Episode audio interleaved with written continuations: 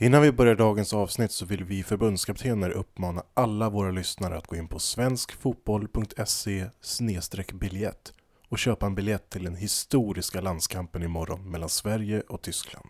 Det kommer att bli publikrekord.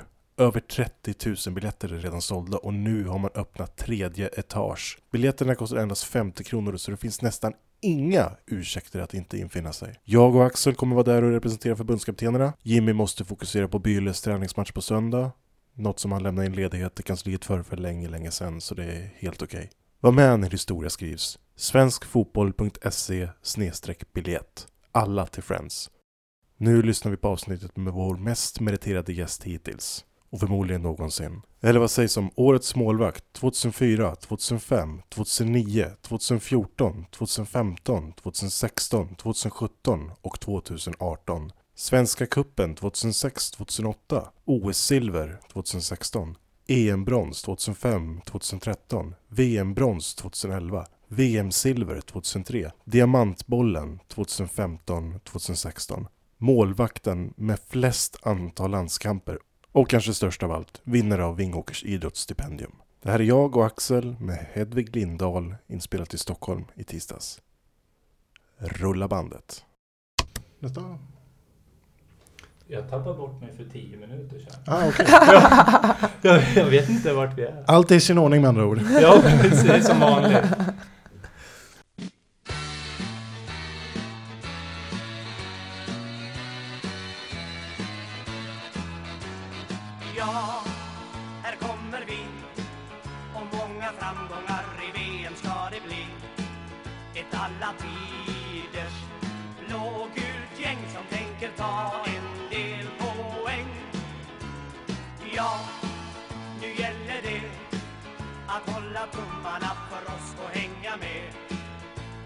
Försöka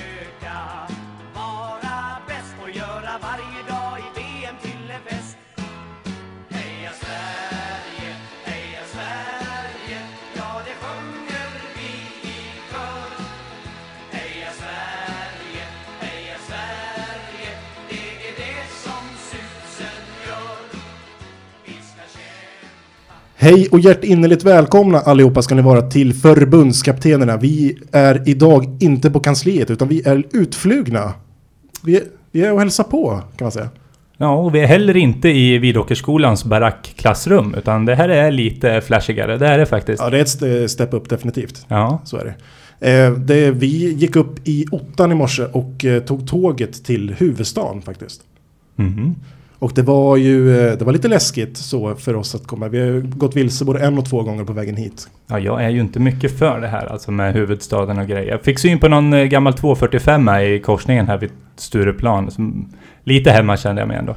Ja, men det var, det var fint. Det var verkligen som en golden retriever som såg en tennisboll. Det var ja, jag sprang nästan efter den där. Den enda lilla livbojen som du har sett på hela dagen. Ja.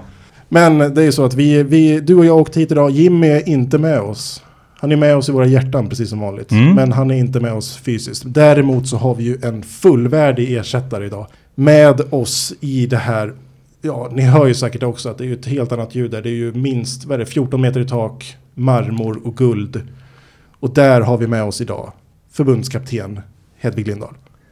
Tack så mycket för att jag får komma hit. Det känns som en ära. Ja, det är en stor ära för oss. Väldig ära att ha dig här. Ja, jag är ju ganska ny i den här podcast-svängen så att eh, vi får se om jag är fullvärdig ersättare här. Men jag ska göra mitt bästa. Det tror jag verkligen. Du är ju lite av en eh, influencer ändå. Du är väldigt aktiv på sociala medier. Ja, man försöker ju eh, göra så gott man kan så att eh, det finns något att falla tillbaks på sen när, när eh, benen inte räcker till ute på plan så att säga. Är det något du har lite i åtanke att bli någon form av influencer på, på heltid efter? Ja, jag tänker nog att eh, jag vill ha något annat som jag kanske baserar min, min, min mesta tid på. Men om man kan eh, ha ett, en fot i den världen så är väl det bra. Mm. Att man kan eh, ha en inkomst därifrån. Vilket, vart drar du gränsen för sponsrade inlägg på Instagram? Vad skulle du inte vilja? Eh, ja, det låter som att jag har en stridström av sponsrade inlägg här. eh, just nu är det inte så att jag behöver slänga bort så många för jag får inte så många förfrågningar. Men eh, givetvis så måste det ju rimma med mina värderingar och allting. Mm. Så är det ju. Yes. Jag förstår, förstår. Låter helt eh, rimligt. Ja, verkligen. Känns så. Jätte, jätteroligt att ha dig här, verkligen. Tack! Jag fick idén att starta den här podden för att jag höll på att eh, tappa intresset för fotboll överhuvudtaget. Eh, jag älskar fotboll när jag var liten, men jag tycker pengar och, eh, och liksom hur fotbollsvärlden ser ut idag, moderna fotbollen, eh, är skadlig för mig. Mm. Så, så, så tanken med det var att vi skulle se ifall det går att behålla eh, kärleken. Det går liksom att återupptäcka den igen så. Mm. Och då var det just via, hur ska vi göra det? Via landslagen givetvis. Mm. Så från början har det hela tiden varit eh, en tanke att vi ska bevaka landslagen, både herr och damlandslaget. Och vi är väldigt eh, glada nu att vi ska kunna göra det mer på allvar med damlandslaget. Mm. När det kommer ett mästerskap också så.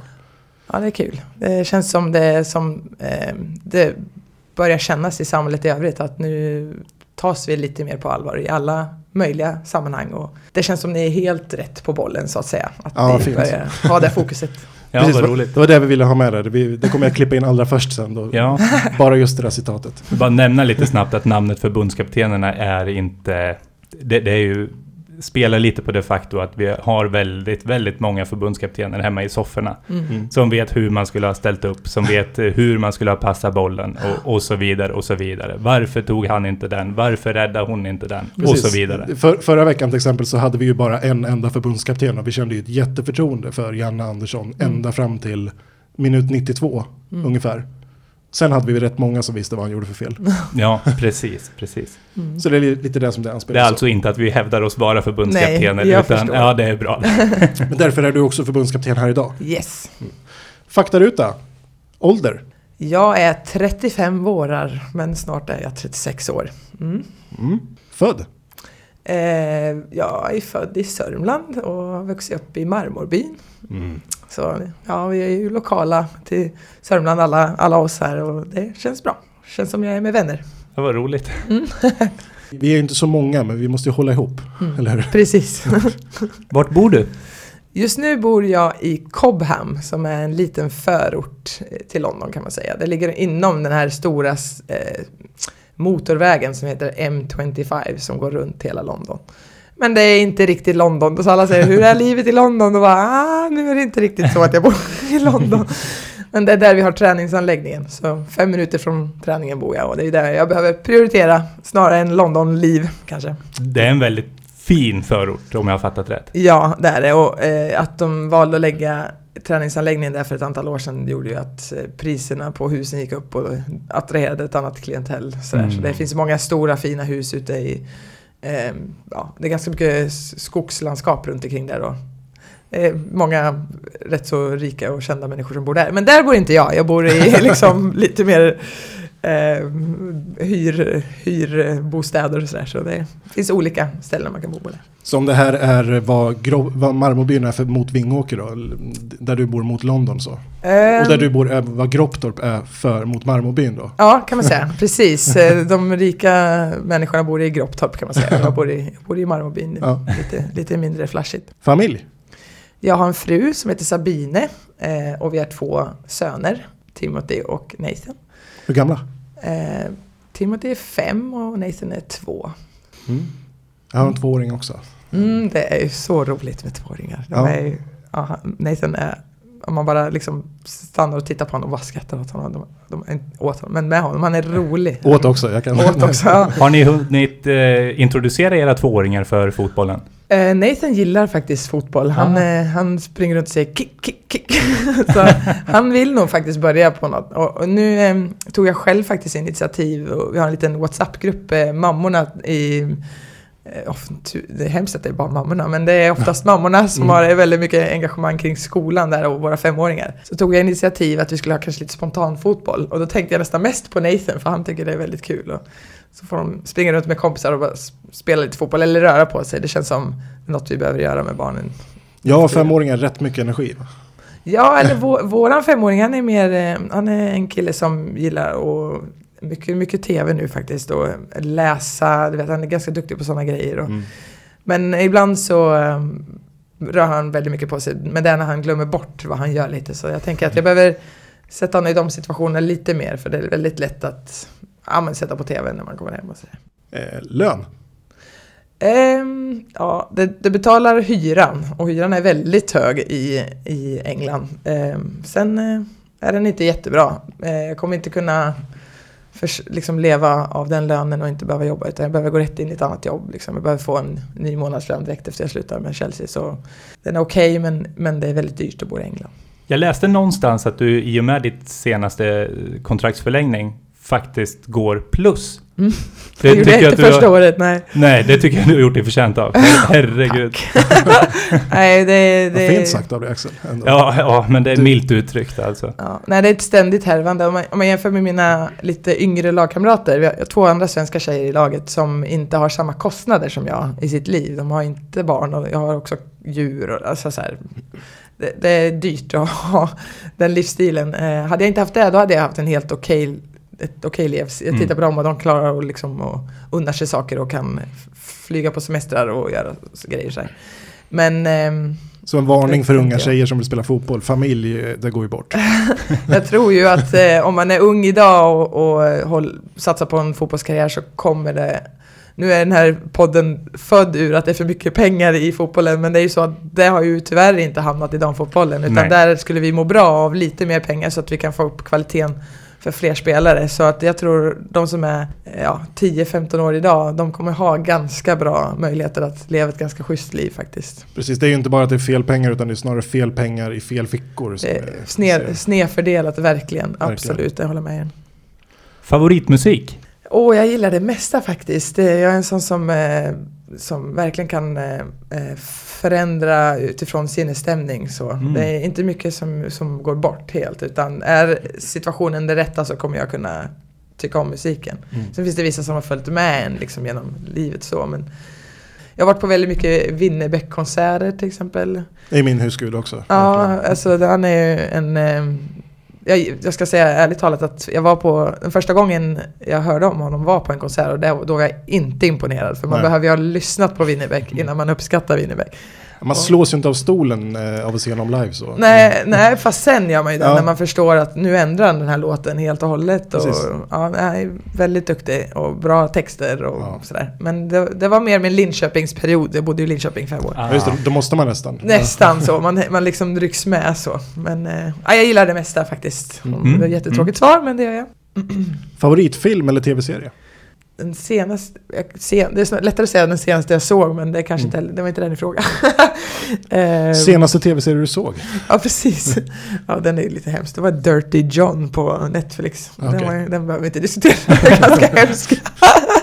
men, eh, ja, men vi kollar på Grey's Anatomy, jag och min fru hemma. Det är vår lilla grej. Det är väl det enda vi egentligen följer. Annars så gör jag som alla andra. Är det något som är hett så försöker jag se den. Och speciellt när man är på fotbollsläger på kvällarna. Man kan ha lite tid. Just det. Antal landskamper? Oh, över 150. 153 kanske?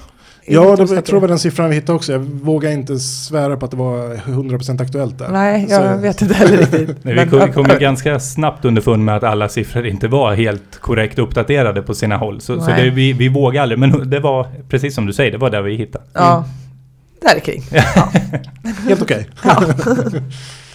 Bästa spelare som du har spelat med och emot? Ehm, svårt den också. Om jag begränsar mig lite nu, jag Mm. tänker nu då, vilka jag spelar med just nu, så tycker jag vi har en tjej i Chelsea som är helt fantastisk. Hon heter Sophie Ingle och inte en av de som nämns speciellt ofta. Hon är lagkapten för Wales och eh, det jag gillar med den spelaren är att hon är så snabb i sina beslut. Hon vet när hon ska spela på en touch, två touch och oftast, till, oftast till rätt adress. Ja, där kan man ju begära kanske. Men, men i liksom högt tempo, snäva vinklar till rätt adress och Mittfältare eh, eller? Mittfält, defensiv mittfältare Ja. spelar hos oss. Eh, En sån här som gör så otroligt mycket för laget som inte får rubrikerna. Så eh, hon är min favoritspelare just nu att spela med. Och motspelare jag hade ju en, det finns också, jag tycker det är svårt att säga, det, det begränsar, igen, det är så svårt att begränsa mig. Eh, men om vi, eh, den som på ett sätt har utmanat mig allra mest, och där, nu tar jag en lite mer längre tillbaks, det var Abby Wambach på ett sätt. För att eh, hon var så otroligt duktig på huvudet. Mm. Så varje gång de slog in ett inlägg så var det en rejäl utmaning. Skulle man ut och plocka den så skulle man vara rejält bra. Jag kommer ihåg ett speciellt tillfälle då vi mötte USA i en träningsmatch uppe i, jag tror vi var i Skellefteå, för det här är många år sedan. Ja. Men jag kommer ihåg att jag var långt, långt ute i straffområdet och så nöp jag det där inlägget mot Abby Wangbach. Det var alltid så här, klarar jag det mot henne då är jag nog, då är jag nog bäst i världen på det. För hon var ju liksom bäst i världen på Ja. att nicka. Men sen finns det ju andra som är snabbast, liksom tekniska, Mm. avslutar på ett visst sätt. Så, men jag väljer henne nu då. Ja, det var ett bra svar tycker jag. Det, var, det, var, det är nog få spelare som jag har känt mig så nervös eh, när bollar kommer in i straffområdet mot. Alltså när ni har spelat mot dem. Mm. Just så. Det är otroligt giftig spelare. Mm. Favoritspelare nu eh, sa du ju då, men eh, genom tiderna då?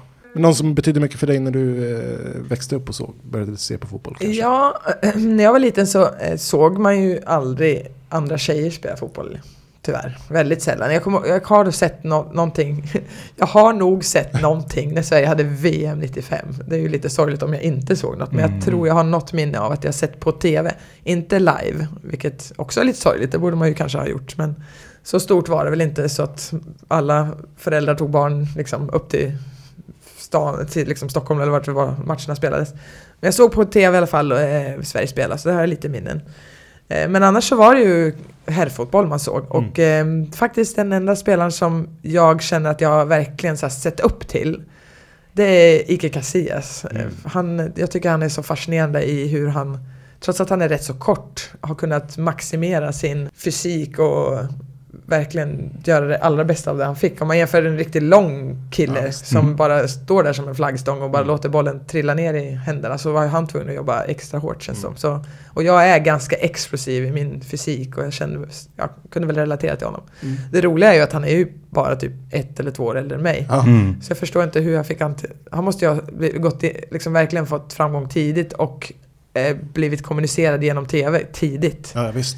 Till skillnad från en annan som harvade liksom i division 2 Både, utan ja. TV-kameror. precis, både han och Raúl måste ha slagit igenom jätteunga i Ja. Real Madrid tänker jag. Ja. Jag, jag är väldigt glad att du svarar Ike Casillas, för Mm. jag såg någonstans att du hade gjort det tidigare. Mm. Eh, och för mig är ju Ike Casillas verkligen den här enorma ledargestalten som sammanflätade Barcelona-rivalerna och Real Madrid-rivalerna och fick dem att producera i ett extremt framgångsrikt spanskt landslag genom åren.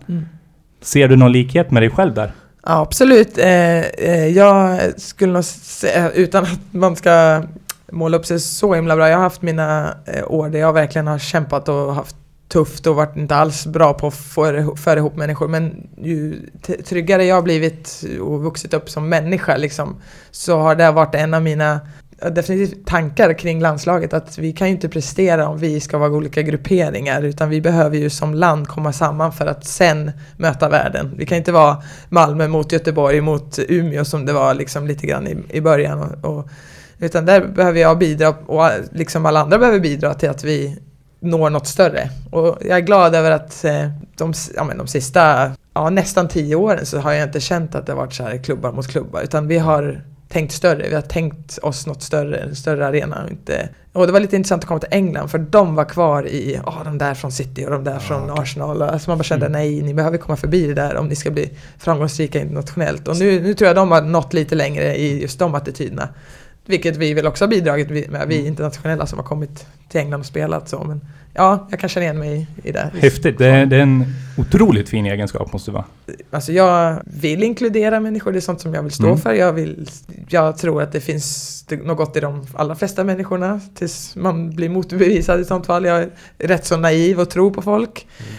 Ehm, det är inte alltid bra, men så, sån är jag. Det är min default. Uh, nej, men jag vet inte, jag, bara, jag har också mått dåligt i landslagssammanhang och varit otrygg och då vill jag hellre hjälpa de som kommer in nya att snabbt bli trygga. För min andra tanke är att om vi har ett gäng otrygga spelare ifrån Sverige då kommer vi inte heller nå de här stora målen som vi har och drömmarna som vi har. För att rätt vad det är så behöver vi den här spelaren som kanske inte har fått så mycket speltid, så mycket eh, uppmärksamhet. Men helt plötsligt så är det just den tjejen som ska leda i just det här ögonblicket, vad det än må vara. Det kanske att ah, hemma i Piteå har vi gjort den här frisparksvarianten, den kan vi ju testa mot det här försvaret. Om, eller nu kanske det var en väldigt stor uppgift, men alltså eller att man har liksom nyckeln till en, ett problem och att man är så trygg att man vågar säga det inför den här läskiga gruppen. Eh, Så det, den rollen tar jag jättestort på mig nu, att få in Mm. unga och nya, att de ska bli trygga. Ja, för du vet ju precis hur det är, tänker jag. Eller, du, Ja, men exakt, jag du, har- du har ju kommit in som yngst i laget också. Spenderar många år otrygg, alltså, eller Ja. otrygg, så det vill jag hjälpa dem med.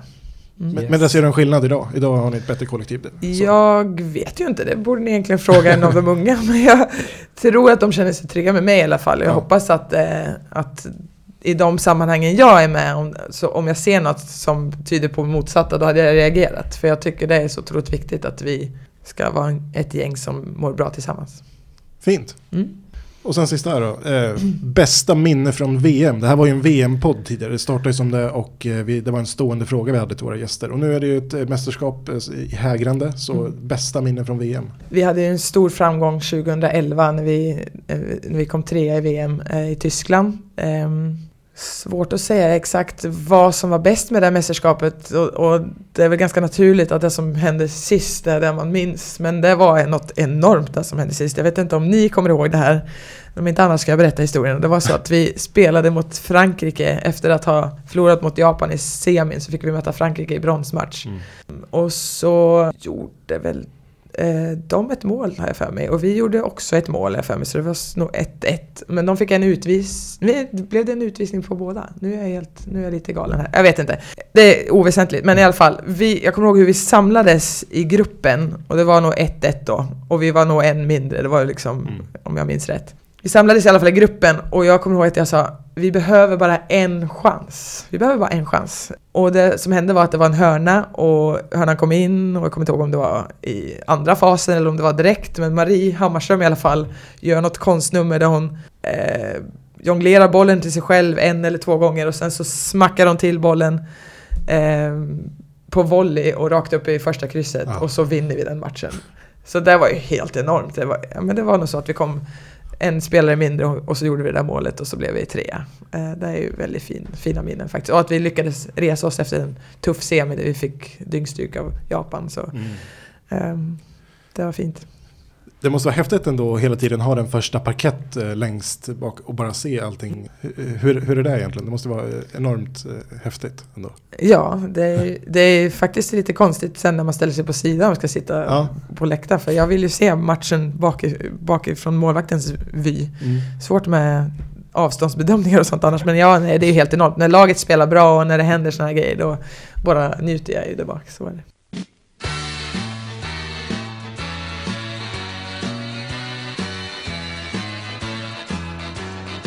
Och då har du Axel dina fem snabba frågor. Ja, jag har ju knat ihop lite fem snabba frågor. Ja, men de behöver inte nödvändigtvis ha fem snabba svar. Det är Nej. väl någon som är... Ja, kontroversiell är väl att ta i. Men, men man, man kan få ta sig en funderare om man vill. Definitivt. Så den eh, första. Målvaktshandskar eller trädgårdshandskar? Det är målvaktshandskar alla Ja. dagar i veckan. Mm. Än så länge. Sen Ja. kan jag tänka mig att om några, om några år så blir det fler trädgårdshandskar. Gerhardsson eller Sundhage?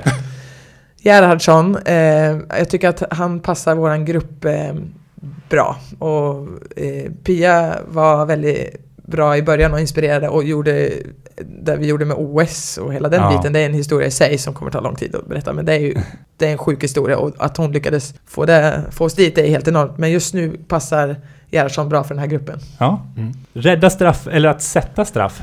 Eh, eh, oh, ehm, jag tänker att det är liksom nästan eh, equal på den. Ehm, Mm, ja. Det betyder precis samma sak. Ehm, Mm. Men det är väl viktigast att jag räddar. Det är väl inte lika ofta som jag slår en straff. Har du sett någon?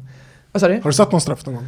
Eh, faktiskt, eh, det var för många år sedan. Jag spelade i, liksom, i flicklag och sådär. Vi var ju med i Gotia. Då var det så att vi, det var Baggetorps IF som jag spelade med då. Och då, Metropolen. jag känner ju till ju. Ja, Ja, absolut. Ja, Åkte igenom idag. Jag tror, om jag, om jag inte ljuger nu, men jag tror det var Baggetorp. Den, den kan de få Det tycker kan jag. ju vara Turafors också, men gud, alltså det här var länge sedan. Men eh, det var ett av mina flicklag Mm. som eh, vi åkte till Gotia med och jag tror vi kom trea i Gotia och det var vanligtvis så att eh, vi spelade 0-0 i matchen och så vann vi på straffar. Ah, Och då satte jag någon straff och räddade någon straff så, här. så det var lite Dubbelhjälte. ja, Ja, men lite häftigt. så. Skruvdobbar eller skruvkork? Skruvdobbar. Mm. Mm. Mm. Gropptorp eller London? Gropptorp. Ah, Ja, fint, snyggt. Alltså, fint det svar. Alla dagar i Det veckan. kommer våra lokala lyssnare älska. Ja, men så är det. Mm. Vi med. Det var dem. Det var dem. Okej, då ska jag bara vilja få- lägga i där eh, med, när ni säger Gropptorp. Alltså jag har ju haft en, en dröm om att nå eh, någonting i fotboll, men sen har jag alltid tänkt så här, sen ska jag tillbaks till min by. Sen bara att det, liksom, resan till min dröm tog ju så himla lång tid, så att Ja. insåg att alla andra flyttade och det liksom är inte min by längre på samma Nej. sätt. Så det blir nog inte så. Men det, jag har bott i Malmöbyn sedan jag, alltså, till jag var 16 år. Det är klart det betyder det mesta. Ja, visst. Men eh, i och med det kan vi nästan ta bort våran sista fråga då. När kommer jag hem? Ja, precis. Det är den sista frågan vi tänkte ställa. Ja, Ja, det är, Svårt att svara på vad som är hem när man flyttade Ja, när man var 16 givetvis. år. Men Vi vill gärna tro att hem är Ja. hemma hos oss. Ja. Men vi, vi, vi har haft mycket, mycket lappar i, i lådan på kansliet hemma. Alltså. Så, så, som folk som undrar. Men det som är problemet är att min pappa flyttade från Marmarbyn så vi har inte huset kvar. Hade de bott där så hade ju man haft en naturlig knutpunkt. Men det är, inte så, det är nästan inte så att jag sätter min fot i Marmarbyn sen. Nej. än. Jag har varit där någon gång tillbaka sådär men... Det är lite roligt, min chef bor i ditt gamla hus. Är det så? Åh, åh. Jag har tänkt flera gånger att jag skulle någon gång vilja åka tillbaka. Då kanske jag ringer dig och så får Ja. du introducera det. Han, eh, han ville be om ursäkt också för att han har sågat ner ett av äppelträden. Åh var- nej! Åh, det, var ju, det var ju nästan ett K-märkt Nej, för dåligt.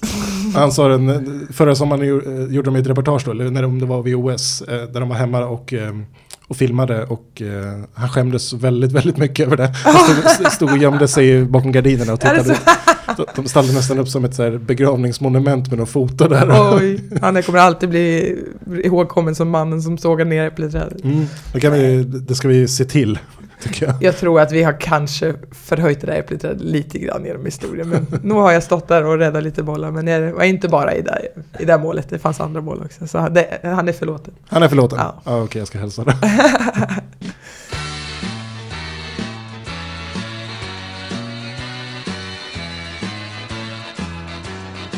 Men allmänt då nu. Nu är det match om hur många dagar är det kvar? Tre dagar kvar? Eh, nu är det tisdag, onsdag, torsdag, fredag, lördag. Ja, dag fyra. precis. Mm. Hur känns det då? Det känns bra. Det är jättekul att eh, träffas med det här gänget. Ehm, vi har något spännande på gång och en, en match mot Tyskland är en rejäl värdemätare. Tyskland är alltid bra, det är liksom alltid kvalitet. Så det blir spännande och, och speciellt som det kommer så mycket folk också. Vi ska slå publikrekord och första gången vi spelar på Friends. Så det var ju tänkt att vi skulle spela på Friends 2013. Nu blev det inte riktigt så för vi förlorade mot Tyskland i semifinalen i EM. Men nu har vi vår chans och jag hoppas att alla eh, människor som tror på oss inför VM eller vill följa vår resa vill hänga med redan nu. För det är liksom nu vi börjar bygga relationerna och, och följa med från början för att få en riktigt engagemang kring det. Det har varit en riktigt bra hype kring den här matchen. Det var ju redan före jul så började folk prata väldigt mycket om att det kommer att bli publikrekord. Mm. Eh, är det något som ni spelare känner av också? Ja, eh, och eh, mycket en stor eloge får man i att i förbundet att de har lagt väldigt mycket fokus eh, på den här matchen och försöker göra massa kringaktiviteter. Och det är kanske svårt att göra så kring varje match, det, då blir det inget unikt så. Eh, Så de har lagt mycket resurser och planerat det här länge. Och, eh, vi har samarbetat med förbundet under några år nu där vi har bönat och bett. Tidigare har vi bönat och bett om att de ska hjälpa oss med marknadsföring och satsa. Men eh, sen, sista åren så har de verkligen gjort det för, av egen maskin, liksom varit motiverade och det har kommit in ett gäng eh, unga taggade, eh, taggade passionerade tjejer som, Mm. som driver på tillsammans med deras eh, ja, manliga chef, men han är duktig och att de börjar, det är där man märker det i hela damfotbollen att nu börjar de ta allt på allvar och då ser man resultat. Varje vecka läser vi om något nytt publikrekord Mm. runt om i Europa och runt om i världen så det är där vi har försökt säga i, i många år att om ni hjälper oss med marknadsföringen Mm. så är produkten faktiskt helt okej. Folk kommer vilja se det här. Om man kan Visst. skaffa sig en relation till oss så är det kul att följa. Visst är det så, det är helt uppenbart. Vi, vi pratade just om det innan att det, det har ju verkligen hänt något nu i vår. Det, det, som du säger, vecka för vecka nu så kommer det något nytt. Mm. Det var ju Atletico Madrid mot Barcelona, över 60 000 Mm. såg de. Eh, Juventus, Fiorentina här någon 39 000. Ja. Eh, Och nu då, eh, senast vi läste, över 30 000 Mm. eh, sålda till er match på lördag. Ja, det, det är nu det händer. Det är nu snöbollen har fått fart. Det är liksom nu lutningen har blivit så pass mycket så nu tar det fart här. Så, eh, nu är det bara så att eh, Fifa ska hoppa på tåget lite Mm. rejält och ta rejäl styrning och så får vi se om det kan hålla kvar sig vid den här nivån. Oftast, nu är det liksom en VM-hype och sådär och så kan det ibland dra ner lite igen men nu ska vi vara kvar här uppe på den här Mm. intressenivån för att det är, vi attraherar en annan publik kanske och det är inte normalt sett på våra matcher farligt att ta med sig sina små barn för det brukar vara ganska schysst och familjär stämning. Så det finns ett värde som vi har som kanske inte alltid finns kring herrfotbollen så att vi behöver inte ens konkurrera om samma publik. Det finns Nej. mervärde för fotbollsälskare att satsa på damfotbollen. Vi som, vi som åskådare som drar oss längre och längre ifrån den moderna fotbollen och de enorma pengarna och det, det handlar inte längre om vilken region som fostrar bäst spelare och så vidare. Jag tror det, det här kan locka fotbollsnördar, alltså fotbollsintresserade människor.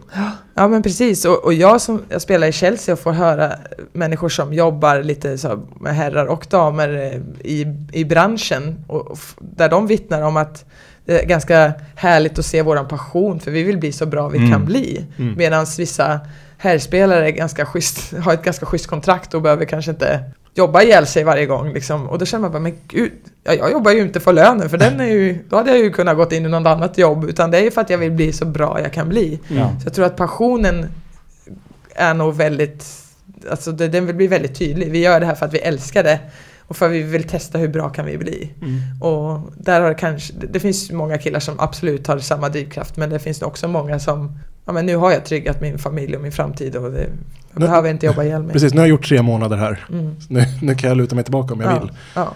Nej, Men det kan inte vi, vi, Nej. vi har inte de, den tryggheten finansiellt än. nej.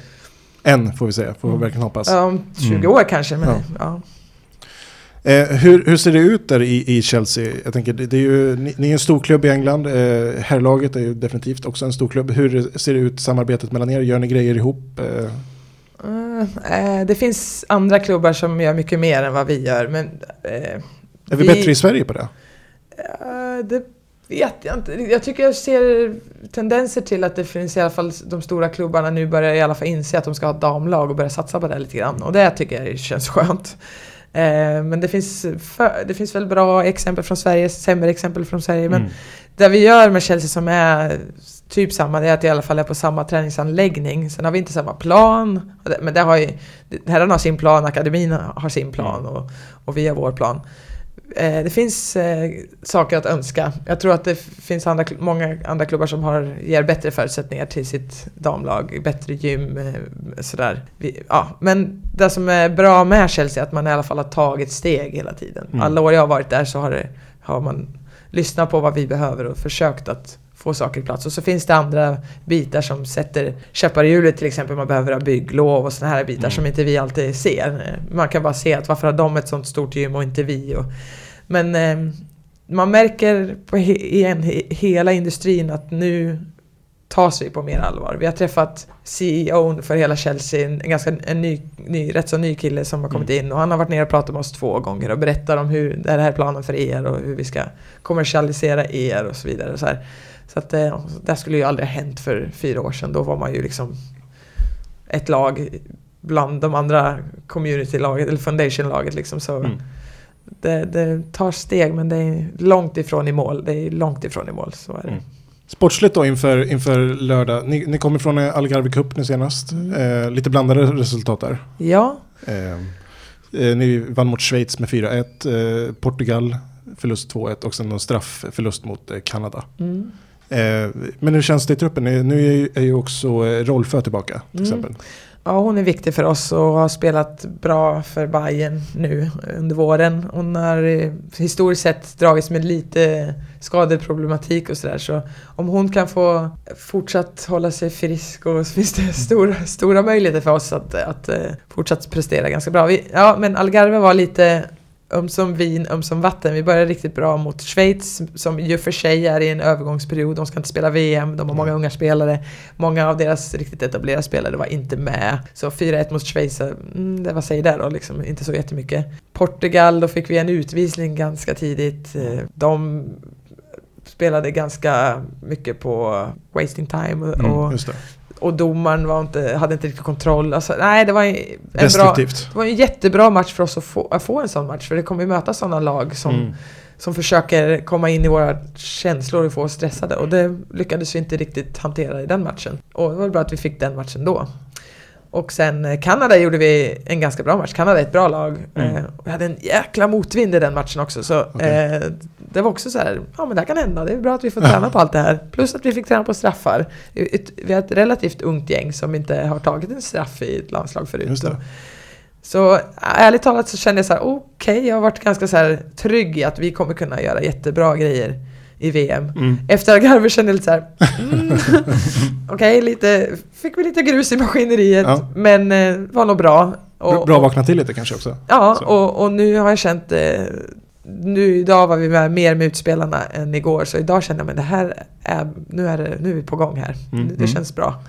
Men ja, Tyskland blir spännande att, att se vart vi står jämfört, jämfört med dem.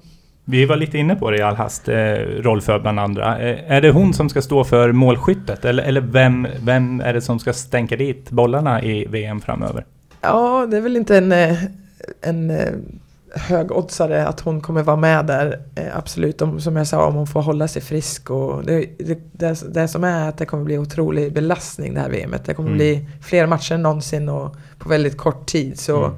Återhämtning, att man har gjort sin grundfysik och sådär är eh, för mig en väldigt stor fokus. Eh, och att man ska vara redo för att kunna hålla fokus i alla de här matcherna. Eh, Så vi får se hur det går för henne. Det är hennes utmaning tänker jag. Men hon är jätteviktig och gör ett stort avtryck när hon spelar, tycker jag. Men jag tror att vi kommer behöva varenda kotte liksom, Mm, i mm. så god form de bara Såklart. kan. Eh, vi, har, eh, vi såg Mimmi Larsson som spelade i Algarve och gjorde tre mål mot Schweiz. Och hon är unik med sin snabbhet. Mm. Så när vi behöver henne i en sån match då är hon redo. Vi har Stina som vi vet kan leverera på den här stora scenen. Hon gjorde mål mot USA i OS-kvarten. Mm. Eh, Det är inte helt lätt Nej. att göra mål på USA. Så det finns många som vill vara med och dela på det där målskyttet. Vi har Anna Anvegård som eh, är riktigt lurig, väldigt smart målskytt, liksom ser, kan läsa av en målvakt och som jag själv, jag själv tycker är den bästa avslutaren i gänget just nu. Okej. Eh, men sån här smart tia typ som Mm. kan lägga öppnande passningar. Och sen är en personlig favorit är också Lina Hurtig, men som också samma utmaning lite grann som Fridolina, att hon måste få vara frisk och hel. Men hon bidrar också. Så, och Kossa jag inte ens nämnt. Ja, det, ser, det är många som skulle kunna vara med. Och så har vi ju alltid någon eh, mittback som kommer stänka dit någon på hörn och så här. Så jag är inte orolig, det kommer bli bra. Kollektivet ska stå för målsprutan. Ja. Ja, jag tror det. Det, jag, det känns som eh, vi får mest ut av alla ifall vi pratar så. Det är, Yes. det är ju någonting väldigt positivt tänker jag ändå. Liksom, det blir svårare, svårare att läsa också, motståndare. Ja, alltså för mig, för mig behöver man inte bygga upp en till en stjärna utan vi ska få med oss oh, solidaritet och få med oss alla. Nej, men alltså vi ska tro att alla har, har stor kapacitet. Det är inte, liksom, vi är inte dussinlirare utan vi klarar av ganska mycket det här gänget och vi ska höja alla till en nivå som de inte trodde de nådde till. Så, och då kommer alla kunna bidra med sina spetskvaliteter när, när man väl när det just är den kvaliteten vi behöver. Som Mm. jag pratade om lite innan. Nu är det din tur att skina. Hoppas att du är trygg nu att kunna göra det nu. För att vi har gjort jobbet innan.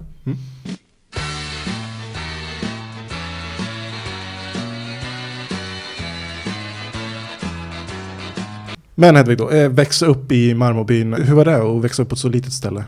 Jag har nästan uteslutande bra minnen och tänker att jag vill kunna ge mina barn något liknande. Trygghet och ja, men glädje. Man, alltså som det var då så man låste inte dörren. Folk kom och knackade på och frågade om man skulle först leka och sen vid något år så var det inte okej att säga leka längre. Då sa man att man skulle hänga. Mm.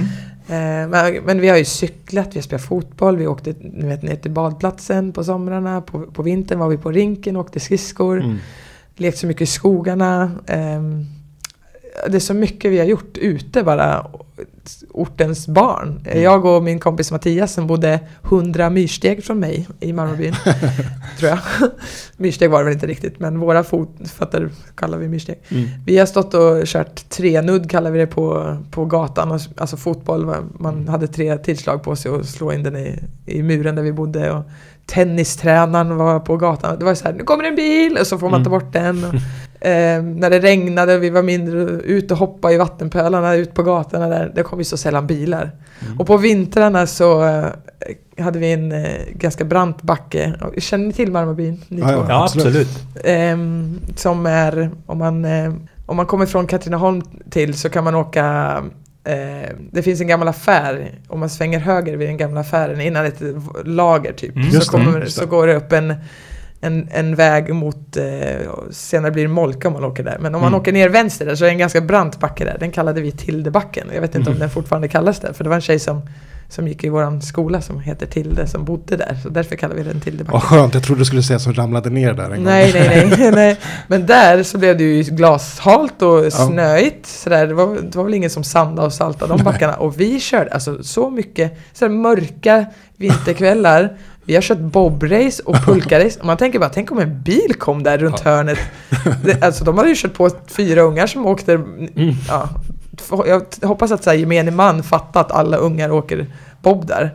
eh, ja, så mycket kul har vi gjort eh, runt om. Jag och Mattias vi körde trickskidor på uppfarten och man var ute i sandlådorna och sen så blev man äldre och så var det privata fester och så här. Det var, det var jättebra. Jag har bra minnen. Sen finns det säkert andra som hade det tuffare och i sina familjer så här, men jag, jag, jag har bara i stort sett bra minnen. När man var i skolan, man spelade fotboll på rasterna, igen trenudd på den här stora, det var en stor gymnastikvägg som eh, den gamla gymnastiksalen i Marmarbyn. Och så fick vi en ny gympasal och den var så stor. Och, ja, nej, det finns många minnen. Det var bra. Jag har bra minnen.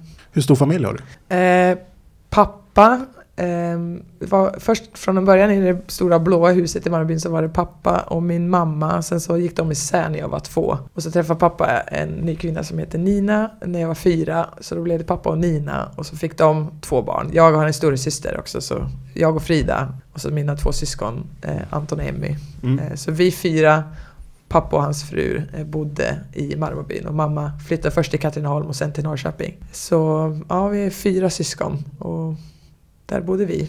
Mm. När bestämde du dig för att eh, det var målvakt du skulle bli? Mm, jag tror nog att jag ganska tidigt eh, alltid ville liksom stå i mål. Jag, jag kombinerade lite. Jag var tydlig, det här har mer fått berättat för mig, jag kommer inte riktigt ihåg, men de säger att jag var också väldigt duktig som forward och gjorde mycket mål. Så det var ju liksom i boxen man skulle vara. det där det Ja. hände. Men eh, tidigt så, så ville jag nog stå i mål faktiskt. Jag tycker det var roligt att slänga mig. Jag har alltid till, tyckt om att köra så här, kasta gris och sådär. Kan inte du kasta en tennisboll till mig? Så här, tjatade pappa bara, åh, okej. Men eh, jag vet inte, det var, det var konkurrens på målvaktsplatsen. Jag har en liten barnbok och i den börjar det så här. Jag läste första sidan häromdagen och då var det så här. Det är ingen som vet att Hedvig också vill bli målvakt. Det är Erik och Erik som spelar. Och jag bara, så var det faktiskt. det var konkurrens. Eller jag, de visste väl det, men de har ju gjort lite dramaturgiskt där. Så.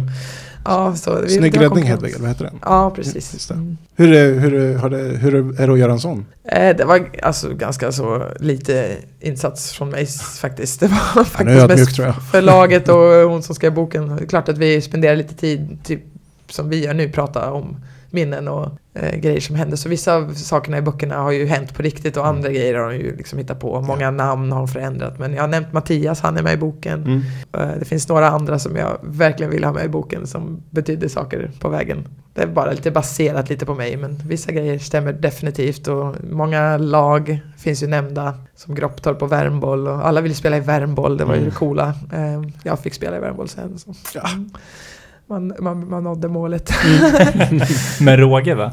ja, lite man så. säga.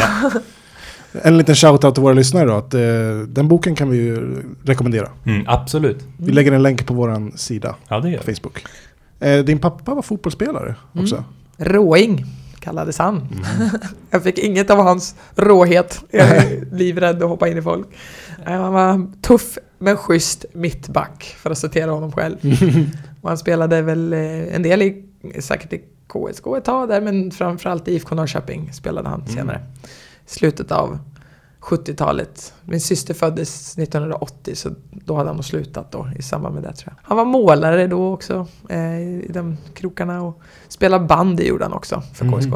Och han sp- gjort en landskamp i bandy tror jag. Ah. Om jag inte har fel.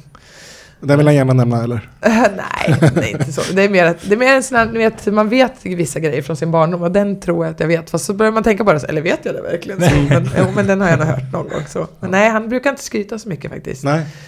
Eh, ibland, det enda gången han blir lite taggad är om han får lära känna några av mina lagkamrater, speciellt om de är backar. Det var ett tag där när jag spelade Malmö FF och Sara Larsson var landslagsspelare och back. Han bara, ska jag lära Sara hur man skjuter? Eller, vet, så här, då, då vill han gärna veta, liksom, Ja. berätta att han kan lite.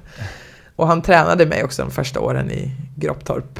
Så där, bara hjälpte till lite. Så nej men, nej, han har inte, vi har faktiskt inte haft någon så här, vi har åkt på alla matcher och jättemycket fotbollslivsstil så. Inte alls. Utan, och han har inte pushat mig till att spela fotboll eller någonting. Utan, okej han var tränare i början där men det var väl för att det var det alla gjorde, alla spelade fotboll liksom. Men Jag har bara hört ryktas om att det var i, i eh, grabblaget du, du inledde din karriär, stämmer det? Ja, det stämmer. Det, Ja. det fanns faktiskt, tror jag, ett flicklag slash damlag i Gropptorp. Men jag ville vara med mina killkompisar. Som Ja. sagt, Mattias var min bästa kompis och han spelade där. Och, och de andra killarna som jag gick i klassen med. Och vi var sex tjejer, sex killar. Och i början var det några tjejer. Jag har en bild på min Instagram där det står några tjejer med i en lagbild. Men de slutade ganska fort. Och så var det några andra. Det var en stark eh, familj av tjejer som var liksom drivande i damfotbollen i Gropptorp. Men av någon anledning så hängde inte jag på i damlaget. Det var killarna som, som jag hängde Det var väl säkert att man var med sina kompisar. Jag gillade Ja, att hänga med kompisarna. Ja, så, visst. så var det.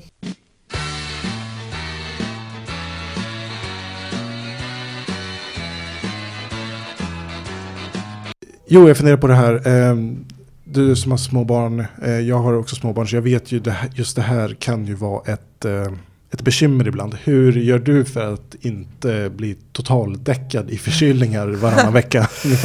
Ehm, det är helt enkelt så att jag verkligen försöker få till sömn och ta hand om grundläggande behov. Det är inte alltid jag lyckas, det ska jag säga. Men jag vet när jag har slarvat med sånt, då finns det ju en stor risk att Ja, man får förkylningar. Jag får ofta förkylningar. Det, det var lite kul, vi hade ett eh, målvaktsmöte som vi har här varje första dagen vi möts. Och det, den här gången var det Seshira som var förkyld. Hon bara, det är jag som är förkyld idag, inte du. Jag bara, nej jag vet. Jag hade andra bekymmer kan jag säga. Men eh, det var lite skönt. Så de känner ju igen mig som den som är förkyld. Så man får liksom försöka ta sig igenom det och, och min, min strategi har väl varit var i alla fall redo på matchdag. Du vet. Se till att ha verkligen sovit de två dagarna innan och så får man, det får bli lite som det blir. Ehm, och så sa min målvaktstränare till mig en gång att det är okej om du är lite på 80 ibland. liksom. Han själv har tre barn så han förstod. Men, ehm, ehm, ja, men man, Men blir det att du isolerar dig hemma till exempel? Lite? nej, faktiskt inte. Nej, utan jag tänker att vi får väl bara bli immuna mot varandra helt enkelt. Jag kan Ja. inte... Jag är ju inte som eh, var, var det Paolo Roberto som inte tog i Mm. hand för folk utan nej, det, Eller Johan Olsson, så här, skidåkare som åker upp till, lä- lämnar familjen två månader typ innan mästerskap, Ja. åker upp till en stuga och vågar typ prata i telefon med dem för att Ja. inte bli sjuk. Ja men det är klart, skulle det vara något att, att magsjukan går Ja. och så ska man spela match om två dagar, då hade jag kanske verkligen isolerat mig. Men, och nu när VM kommer, om det är en vecka kvar och något Mm. lite mer rejält händer, då hade man väl funderat. Men det här vardagliga, nej, då, jag är bara som en annan förälder. Men jag försöker, försöker att få mina sju timmar per natt och sova Mm. i alla fall. Försöker sköta maten. För det är, där det, det är det som krävs. Man måste ju ta hand om sig själv. Och det är inte alltid jag har lyckats med det. Jag har varit sliten och inte fokuserad och så. Men så länge jag i alla fall, min, liksom min grundläggande krav i alla fall, du måste vara redo på matchdag. Då, Mm. Där måste du liksom. Och så gör det andra så gott du bara kan liksom. Mm. Men man är ju bara mänsklig, det går Ja, inte visst. alltid. Och din hustru ett bra stöd gissar jag? Jättebra och eh, hon har verkligen tagit ett stort lass. Eh, hon insåg väl någonstans att om inte jag får fullfölja min fotbollsdröm så kommer jag bli en bitter gammal tant som säger att det där hade kunnat vara jag, du vet så. Den vill hon inte leva med. Så hon bara okej, jag offrar lite grann. Offrar sin egen, liksom verkligen rakt uppåtgående karriär. Hon var hon är väldigt duktig och ambitiös i allt hon gör men hon tog en riktig sidestep och paus i allt vad hon ville göra i ambitioner. Och Vad gör hon för någonting? Ehm, hon är utbildad inom psykologi, men har jobbat väldigt mycket inom eh, medicinsk marknadsföring. Medicin är liksom det som är på något sätt den gemensamma nämnaren. Men nu hon, jobbar hon med rekrytering så Mm. det har verkligen eh, mindre krävande så för att hon ska kunna ta hand om våra barn och sådär. Så, eh, nej, hon har inte, det har inte varit helt lätt för henne heller. Hon har varit lika ambitiös som jag och så Mm. behövt liksom försöka hitta sina fötter i våran, i våran situation. Eh, men nu sen Timmy, eh, våran äldsta son, har Mm. kommit mer in i så dagskola så har hon träffat andra kompisar, mammor som kan känna igen sig, andra som Mm. har också tagit en paus eller liksom också hade ambitioner och så då har det blivit lättare. Men diskussionerna går inte så att eh, det- blir en säsong till va? Eller? Nej, hon är snarare en sån som du ska, nu ska du ut och göra ta fler rekord. Jag bara, åh, ta det lugnt här. Vad härligt. Ja, det finns nej. ju ett rekord som hägrar framför. Det är ganska många matcher dit. Men, men det är Therese Sjögran, rätta mig om jag har fel. Mm. Är, Ja. är det något du blickar på överhuvudtaget? Eller har du tänkt bort det på senare tid? Eller hur, hur ser det ut? Hur Nej, ser du på det? jag kommer inte nå Therese Sjögrens rekord, det tror jag inte. Jag, är- alltså, målvakter får så väldigt många färre matcher än utspelare. De gör inhopp och... Ja. Just det. Jag tycker att, jag är ju av den, den eh, åsikten att man ska räkna spelade minuter istället, för då hade jag ju slagit Ah. i taket ganska rejält Ja. där tror jag. Mm. Nej. Så den har jag gett upp faktiskt. Jag tror att Seger kanske kommer slå den. Ehm, men eh, nej. Men jag är glad att jag har rekordet för målvakter. Ja, liksom- herregud. Ja, och eh, rätt så rejält nu också va? Ja, nu börjar det bli lite luft emellan mig och Ravelli. Men ja, man får ju sätta ett rejält rekord så inte det kommer någon annan att ta den. Nej. Ja. Men det finns andra saker som är av rekordkaraktär och det är till exempel hur många mästerskap man är med i och sådana Ja. saker. Mm. Där ligger jag ganska högt i topp.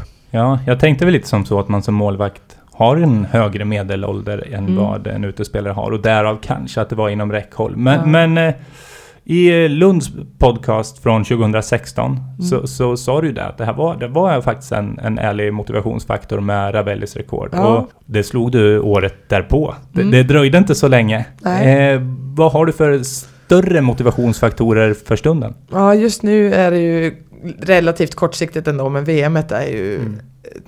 hög motivation. Eh, Sverige har aldrig vunnit VM-guld, vad jag vet. Nej. Varken herr eller dam. Det Nej. kan vi väl göra, tänkte jag. Det är väl dags? Det är väl dags. Ja. Ehm, och vi är några gamla tackor som skulle vilja få en... Jag tror att, eller jag känner i alla fall, jag kan inte svara för de andra, men jag känner som att det måste vara en mening med alla de här åren vi har harvat tillsammans. Och det har inte alltid varit lätt, och vi har inte alltid varit de bästa vänner och så, men det är någonting som fått oss att kämpa vidare, stråla samman och gått igenom livet tillsammans. Och skulle, skulle vi typ inte få vara värda, alltså nu, Mm. nu handlar det inte om vad man är värd, utan man ska göra jobbet också. Men vi har eh, många som ändå har spelat i stora klubbar och vi har mycket erfarenhet. Och jag tror att det vi kan bidra med är just trygghet eh, och lugn i de här stora matcherna. För att det finns ju de som kan göra saker snabbare än oss och bättre än oss. Men när man sammanlägger alla grejer som en fotbollsspelare behöver vara bra på så är det nog inte många spelare som har så mycket eh, lugn och trygghet som vi kan ändå bidra med i vårt, vårt lag. Jag kollar lite sådär trupper och så, vilka som Mm. är med vilka år. Och det, om man kollar tyska laget så är det inte så många som är kvar sedan 2013 till exempel. Men vi Nej. är ju några som är Ja. kvar och vi var med alltså för jättelänge sedan. Ja, så visst. någonting måste det betyda, tänker jag. Om vi kan sammanstråla med vår kraft och sprida den till alla de unga, spännande, hungriga och ge dem trygghet och ge dem tro och kunnande att de kan göra det här, då Mm. kanske det kan bli bra. Ni, ni står ju inte riktigt i den här generationsväxlingen nu, utan den är lite grann gjord. va? Ja, och vi har liksom överlevt, Ja. vi gamla. en, en 36-åring, en 35-åring, en 34-åring. Det, alltså jag bara känner så här, hur härlig hade inte den bilden var? Vi- Man står där, man lyfter en buckla, så bara, fan vi gjorde Ja. Hur slutar vi liksom? Eller någonting. Äh, det hade varit... Eh, Innan de ru- rullar ut er. Ja, lite så var det båren. eh, nej men att... Eh, att ja, men jag, jag, blir, jag är lite, där är jag lite romantisk och lite liksom Ja. har en vision så. Men om det är realistiskt eller inte, det vet jag inte. Men nu gör vi ett försök, tänker jag. Mm. Vi, vi som eh, väldigt erfarna förbundskaptener vill gärna Ja. tro att det är oerhört realistiskt. Ja, Ja, absolut. Och jag base- baserar inte allt det här bara på en romantisk dröm om att vi borde och vi är värda, utan vi har ju faktiskt också fått resultat med oss här under Gud, ja. Peters ledning. Och Mm.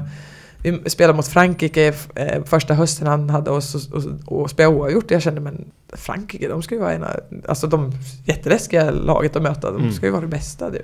Och vi mötte England som alla tror ska vinna VM. Mm. Vi vann med 2-0. Jag bara, ja. Och jag spelar med engelskorna liksom, jag ser vad de har för brister. Mm. Vi utbildar dem till stor del eh, Mm. i många områden. Så, här, så ja, vi får se. Som jag sa, jag fick lite Ja. tvivel där efter Algarve lite. Men det blir så spännande match att se mot Tyskland och se. För det, och även om man får en rejäl utskåpning på vägen så det hände oss i OS mot eh, Brasilien. 5-1 förlorade vi med. Sen vann vi mot Brasilien i Mm. semifinalen. Så vi vet att i, varje, alltså i en enskild match så kan vi slå vilket lag som helst i världen. Ja. Men sen ska man få ihop allting Ja. under fyra veckor. Sju matcher på fyra veckor. Det är som jag sa, återhämtning, förberedelse innan. Vad händer med en människas psyke när du är trött? Mm. Så vi kanske möter ett lag som är bättre än oss på pappret, men är de fysiskt förberedda? Mm. Mm, ja, ni förstår, det finns så mycket spännande att tänka på. Du var lite inne på fina resu- resultat här på senare tid. Mm. Eh, vet du hur många mål ni släppte in i kvalet på åtta matcher? Eh, var det två? Ja. Mm. Två mål på åtta matcher. Mm. 20 plus i målskillnad. Mm. I mina ögon rimmar det ganska fint med din romantiska vision. Ja. Ja, vi är, och det har jag lärt mig sedan jag spelade i Chelsea, hur bra svenska lag är på försvarsspel. Vi är Mm. otroligt bra på försvarsspel i Sverige. Och eh, man kan man väl tycka är tråkigt eller spela fegt som Hope Solo sa. Eh, men det är ju faktiskt 50% av fotbollen är försvarsspel. Ja, ja. Och någon måste vara bäst på det. Och vi ligger högt upp i kunnande i försvarsspel. Och det ska man inte förringa. Jag diskuterade med en lagkamrat i Chelsea om man-man eh, försvar jämfört med positionsförsvar. Och Mm. hon sa men man-man och så går vi på den som är lite sämre där. Jag bara men hur gör ett lag som är sämre då? Mm. Hur ska ett lag som är sämre på pappret på varje position vinna mot ett lag som är bättre? Det måste ju finnas ett system i försvarsspel som är bättre än man-man system Ja. om man är ett då sämre lag. Och, så det är det här vi diskuterar mycket. Och det är så skönt nu när vi har fått in flera skandinaver i- Chelsea för då har det naturligt så blivit mer naturligt med positionsförsvar. Men det var mycket man-man faktiskt. Jag var förvånad med det när jag kom till England, det måste jag säga. Mhm. Mm. Om man tittar på din eh, klubblista så är den ju ganska lång verkligen. Så. Du har Grop, Gropptorp, Baggetorp, Värmboll, Tunafors, Malmö, Linköping, Kopparberg, Göteborg, Kristianstad, Chelsea. Och du har eh, under så många år behållit din position och eh, haft en väldigt stark konkurrenssituation Mm. i, i både klubblag och i landslag. Eh, har det varit en, en motivation för dig för att eh, utvecklas och pusha dig själv? Och, eller har det varit, när du har varit petad till exempel, har det varit jobbigt? Eller kan du fi- finna kraft i det? Som jag sa, jag började med konkurrens i Gropptorp. Det var ju massa grabbar som ville stå i mål. Så Ja. där var det, var det ju konkur- jag är ju liksom van vid konkurrens. Jag har nog också äh, blivit uppvuxen från coacher så i Sverige att man behöver ha konkurrens för att det stimulerar och sådär. Men jag, ibland så tänker jag att ja, konkurrens är bra men det behöver också vara en trygghet. Alltså jag är lite sådär, jag har inte bestämt mig riktigt. Vad, jag tror att det att det går lite upp och ner. Ibland behöver jag känna mer trygghet än konkurrens för att jag tror att man behöver ha lite fingertoppkänsla som coach. Så att nej, men Mm. den här behöver jag nog få känna trygghet och, och den här behöver vi pusha på lite nu. Det beror nog på vart en spelare är i sin karriär. Men så det har nog varit lite olika för mig. Sådär. Ibland Mm. har det varit väldigt frustrerande. Jag kommer ihåg när jag var i Malmö och jag kände att nej men det, jag är ju redo nu liksom. Ja. Kom igen, spela med mig. Och man trodde man visste allt. Eh, och så tänker jag nu så men gud vad jag inte visste allt. Om Mm. jag tänker tillbaks nu. Ehm, men att få spela och träna med bra målvakter är ju utvecklande. Om det är en relation som ändå är okej. Jag, kan inte- Mm. alltså jag, jag, jag har full förståelse för om man inte är bästa vänner eller så. Man konkurrerar ju ändå. Men, Mm. men min bild nu av hur man bör bete sig gentemot sin målvaktskollega är att men om vi lyfter varandra, i alla fall så som det känns naturligt, inte så här onaturligt att lyfta varandra om det, om det inte är riktigt så man känner, men ändå så här, vara respektfull och säga uppenbara grejer som kan hjälpa den andra. Då innebär ju, bara, innebär ju det bara att jag behöver ju bara bli bättre för att slå den här. Och Mm. om inte jag har så liksom hö, hög tro på mig själv att jag klarar av det, då men Jag har alltid haft jättehöga mål, att jag ska bli världens bästa. Men då ska jag kunna slå världens bästa. Om Mm. jag då tränar med den som är näst bäst i världen, det måste ju vara det bästa, för då är jag ju bättre än alla andra sen. Mm. Alltså.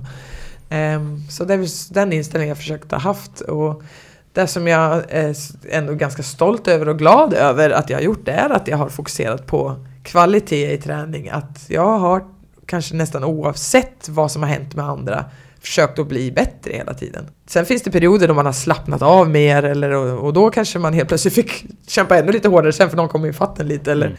men, men det är ju det är ju det som är kontentan. Du behöver ju hela tiden försöka bli bättre. Jag har alltid velat bli bättre. Och så har det tagit mig dit dit det har tagit mig. Liksom. Och det har inte varit bara eh, bra saker som har hänt. Det har varit tufft. Jag har fått lämna klubbar och de vill inte ha kvar mig. Och Jag har eh, en personlighet som är sån att jag är ganska ärlig och säger vad jag tycker. Och det är inte alltid positivt. Och det har min fru fått lära mig mycket. Att, fast Hedvig, om du säger att det här är inte riktigt bra i en klubb, då betyder det att du kritiserar hur, hur de jobbar. Mm. Och då kanske de inte vill jobba så riktigt och så vidare. Och så därför vill de inte ha dig. Och medan jag tänkte, men det är klart vi vill bli bättre hela tiden. Ja. För sån, har jag, sån inställning har jag. Men eh, nej, jag hade nog behövt gå den här sociala skolan lite tidigare kanske. För det har varit tufft ibland och jag har gått på mycket miner och kanske tagit en jäkla lång väg för att nå dit jag har kommit. Andra verkar gå lite snabbare så få lite skjuts. Jag fick mycket motvind men det är väl också det som gjort att jag har blivit bra liksom. Mm. Ehm, det ska, och det, det som är så viktigt är ju att man har en inre drivkraft och en passion som när det är tufft så, så lyssnar man till den. Det kanske du kan känna igen dig i som volley, volleybollspelare också, att det, det går tufft ibland. Man kanske får en skada eller en konkurrenssituation eller Ibland någonting. ganska ofta va? Ja, ja jag, har både, jag har åkt på ett par rejäla skador. Jag har varit borta hela säsonger. Och, och framförallt är jag i stundens talan eh, ehm, petad. Mm, Så, så jag vet absolut hur det är att, att behöva kika på ibland. ja. Men eh, i din nuvarande situation i Chelsea, Mm. eh, rätta mig om jag har fel, men är ni fyra keeprar i Ja. A-laget? Yes. Fyra keeprar i A-laget, varav alla... Nu vet jag inte om Lizzie Durack har debuterat än, men annars ser det ut som att samtliga har eh, landskamper på sitt konto. Mm, jag, hon har i alla fall varit med i någon typ U23-situation och Ja, sådär. precis, Ehm, och varit med i precis. flicklandslag. Hon, hon har, skulle kunna spela för Australien också. Ja, Ehm, exakt. Men hon har inte spelat i engelska land, alltså Nej. första teamet har hon inte. Och även Becky Spencer som numera är i West Ham. West Ham ja. Precis, precis. Alltså det har varit bra målvakter. Du har ju en oerhörd konkurrenssituation Mm. även idag liksom. Ja, verkligen. Och nu är jag petad, så nu har de väl bestämt sig för att spela med en annan tjej liksom. Ehm, och, men det är ju bara det igen. Fort, jaha, då fick, för det som händer är att när man inte spelar hela tiden, då får Mm. man ju på ett sätt en liten lättnad i, sitt, i sin eh, belastning och man kan kanske fokusera på saker som man inte hann med att fokusera på. Så jag försöker se det så.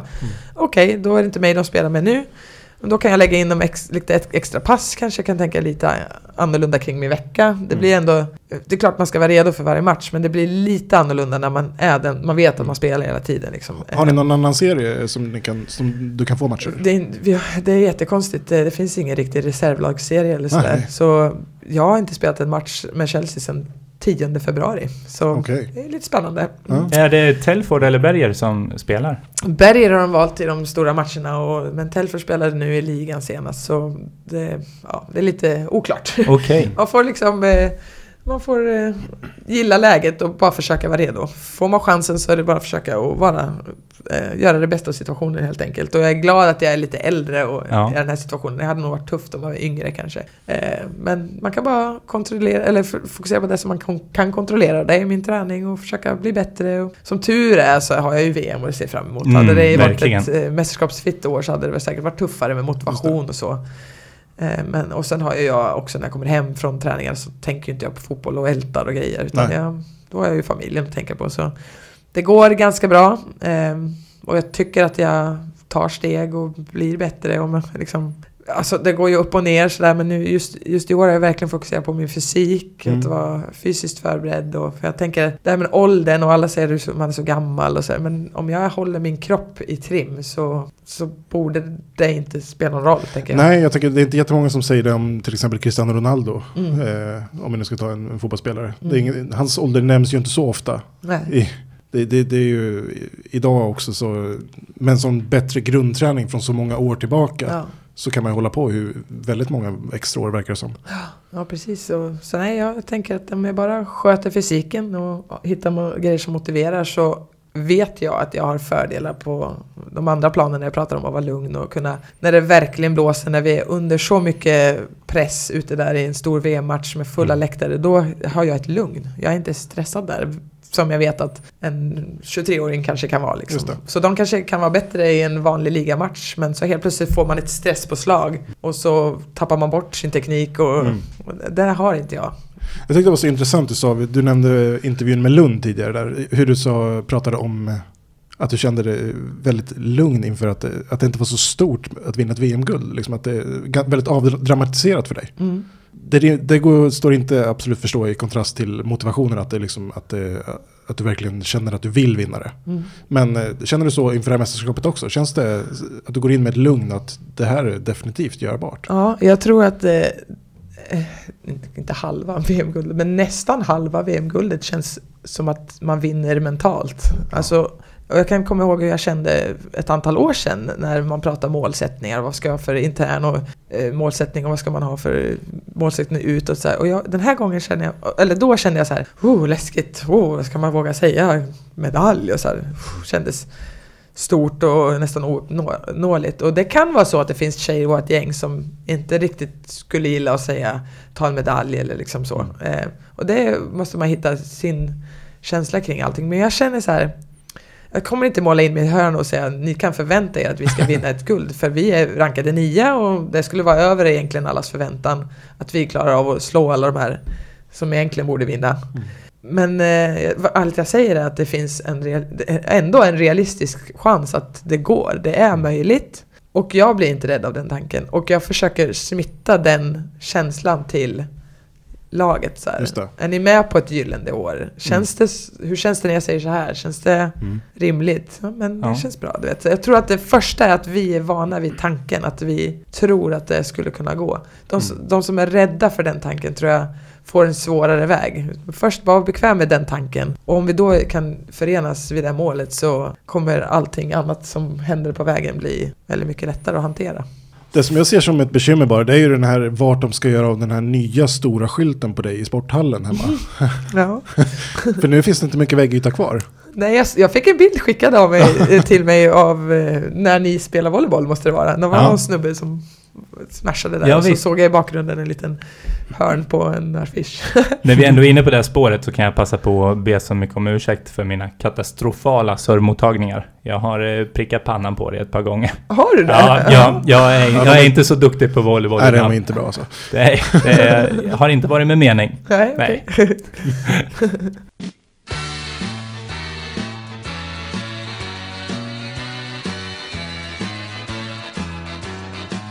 Nu inför VM i Frankrike är det ju första gången vi kommer att få se VAR i damfotboll.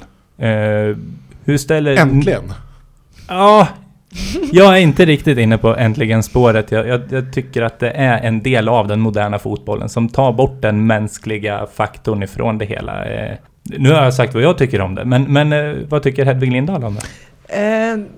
Jag tyckte, när jag såg på, alltså när man ser VAR i användning så tyckte jag att det var bra, för jag gillar rent spel. Jag har Mm. problem med de som fuskar sig till vinst, för det är inte okej. Alla ger- lägger ner en massa tid och då ska du, ska du bli bestraffad om du försöker fuska. Så det tycker jag är bra med VAR. Nu när vi spelar Garve, då tränade vi med, med att, att domarna hade en så här VAR-fördröjning Okej. i matchen. Och då kan jag säga att det var första gången jag kände mig lite negativ till VAR. För att det innebär att som målvakt ehm, så förhåller man sig till sin offside-linje, eller till backlinjen. Och så, i, så tänker man, hinner jag ut på den här djupledsbollen jämfört med den här forwarden?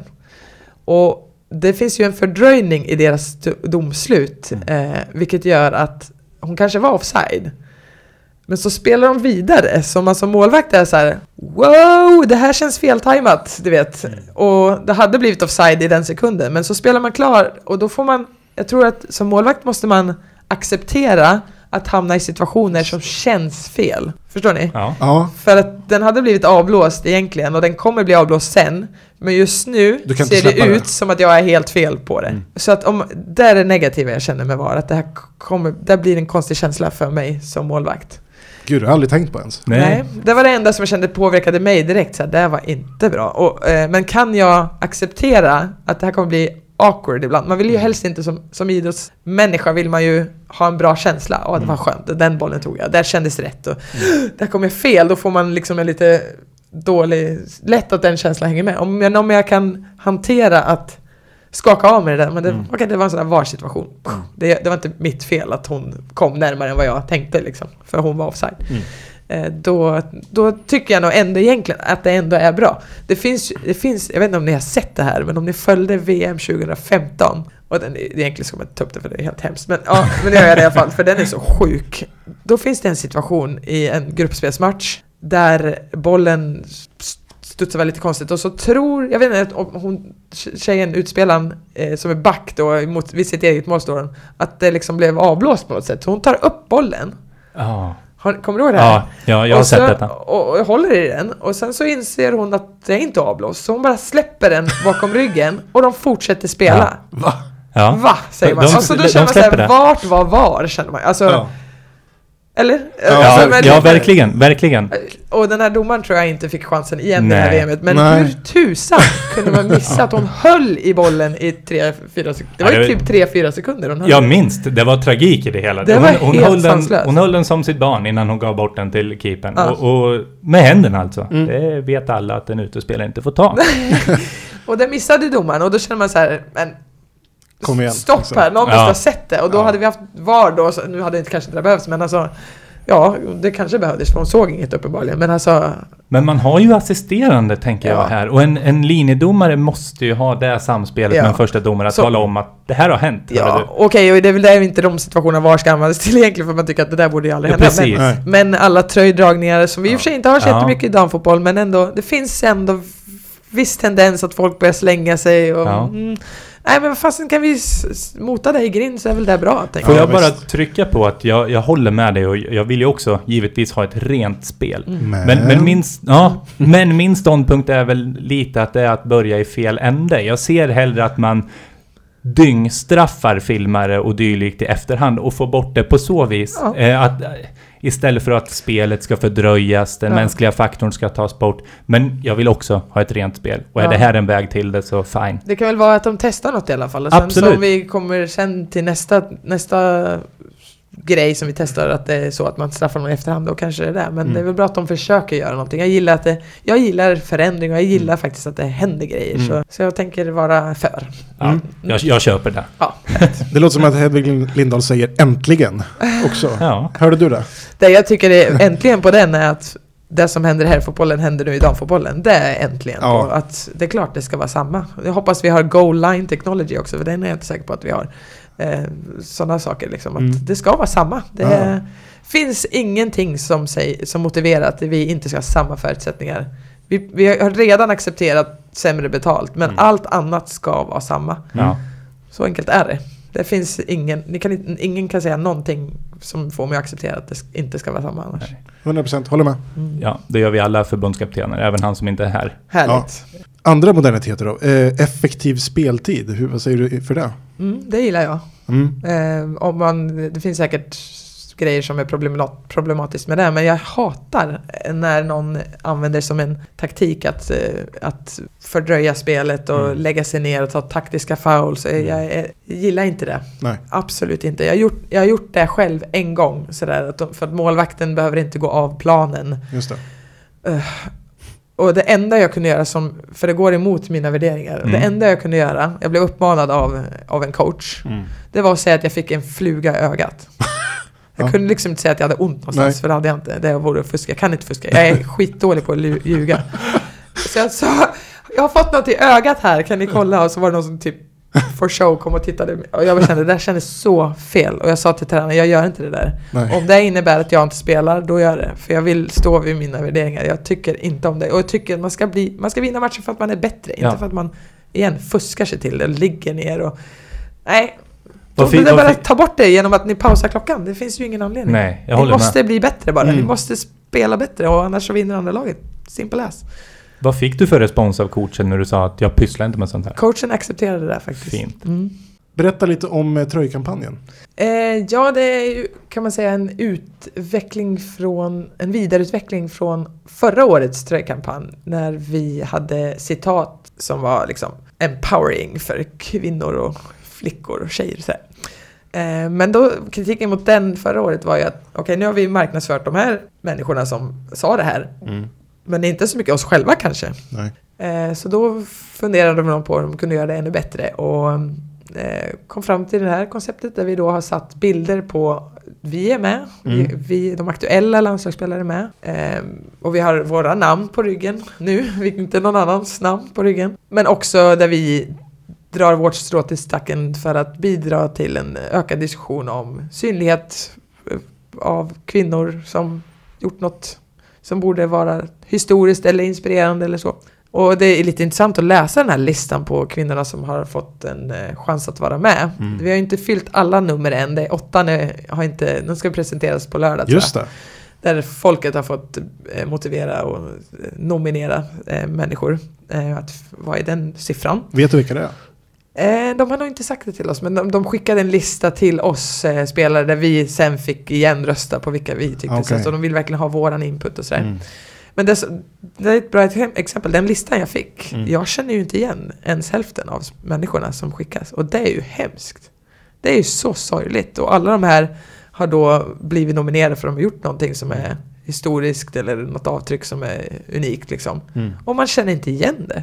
Okej, vissa som är aktuella kanske man inte känner igen för att man inte, de inte slagit igenom bruset. Men sådana som är historiska känner man bara, men det är för dåligt. Mm. Och det är ju det som det, är det som det här bidrar till. Att vi börjar prata om det lite. Och vem, vem är det här? Och man har liksom tröjan framför sig. Jag känner Mm. inte igen den här. Så bara, ah, men det är hon. Jaha, gjorde hon det? Och så.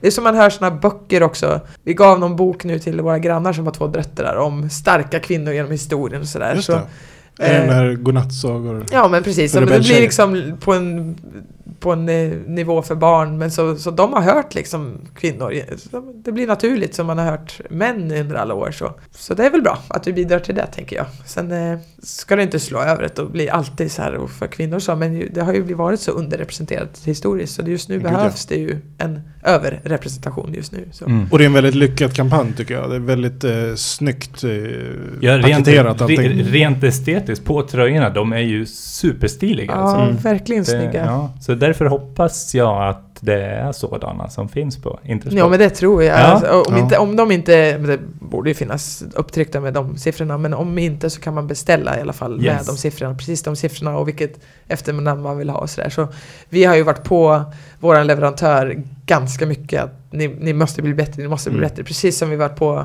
marknadsavdelningen i förbundet, att det här behöver bli bättre, det behöver bli bättre. För vi ser hur det är ut, också ute i, internationellt, att nu måste vi liksom steppa upp. Mm. Och där känner man ju att nu, nu har vi fått en respons. Och för första gången så går det att köpa målvaktströjan. Det har aldrig gått förut. Nej. Inte ens, inte ens liksom när de gör en kampanj med herrarna har de tagit ut målvaktströjan. Är det sant? Ja, det är sant tydligen, säger eh, representanten här som vi har kontakt med. Helt otroligt. Jag tycker det är helt sjukt, för man tänker så här, hur tror ni att vi ska kunna få andra stora målvakter framöver om de inte ens kan klä sig i en målvaktströja om de vill det? Det Mm. finns ju de som bara vill vara målvakter. Å andra sidan finns det de som eh, har eh, döttrar som spelar i landslaget och har typ så här 150 landskamper som ändå köper utespelartröjor. Mamma. Eh. Nej, så, men det finns faktiskt de som gillar målvaktströjan så nu går, det- nu går det att köpa. Och jag uppmanar er att köpa för det var faktiskt jag som tjatade att de skulle ta, ta dit dem. Så Ja. säljer de inte nu så ser det inte så bra ut. Så kom Nej. igen nu, köp dem. Ja, jag vet vilken jag kommer välja i alla fall. Ja, Ja. jag med. Jag kan säga, får jag säga en sak? Ja, Jag skulle bara vilja önska Gropptorp eh, säga grattis till dem, för jag tror de fyller 90 år i år. Är det sant? Jag tror det. Jag har fått en eh, förfrågan om jag kan engagera mig på något sätt. eh, Och det hoppas jag att jag ska kunna göra. Jag vet inte vad som händer i min fotbollskarriär riktigt. eh, Nej. ehm, framöver, för jag har inte fått ett kontraktsförslag av Chelsea. Så det kan bli flyttar och sådana bitar. Eh, Men eh, det skulle vara väldigt kul att kunna ta mig till Gropptorp och fira. Mm. Faktiskt. Jag skulle bara vilja säga grattis, grattis till dem, för de lär väl lyssna på det här. Ja, det, det måste de göra. Ja, grattis till Eh, Gropptorp. Är det dagen, våran, dagens applåd kanske? Tycker Ja, det är dagens det tycker applåd. Hur går det på lördag då? Ja, det blir eh, en vinst och en nolla. Härligt. Precis det vi vill höra. Ja. Men då börjar vi väl bli klara här. Vi har tänkt att det blir seger på lördag, vi har tänkt att det blir guld i sommar och ja, det var väl det viktigaste. Ja, det väsentliga är med. Ja, Härligt. jag har inte saknat Jimmy ett enda dugg. Ja, nu när du sa det så gjorde jag det lite grann. Men som ja. sagt, vi har ju en hyfsat fullgod ersättare i Hedvig. Hedvig, tusen tack att du ville vara med oss i förbundskaptenerna. Tack så mycket för att jag fick vara med. Det var väldigt trevligt. Ni som har lyssnat har lyssnat på förbundskaptenerna. Vi finns på iTunes, vi finns på Acast, vi finns på valfri poddplattform. Ni kan nå oss på förbundskaptenerna@gmail.com. Gilla vår sida på Facebook, förbundskaptenerna. Puss och kram! Tack och hej! Hej då! Hej då!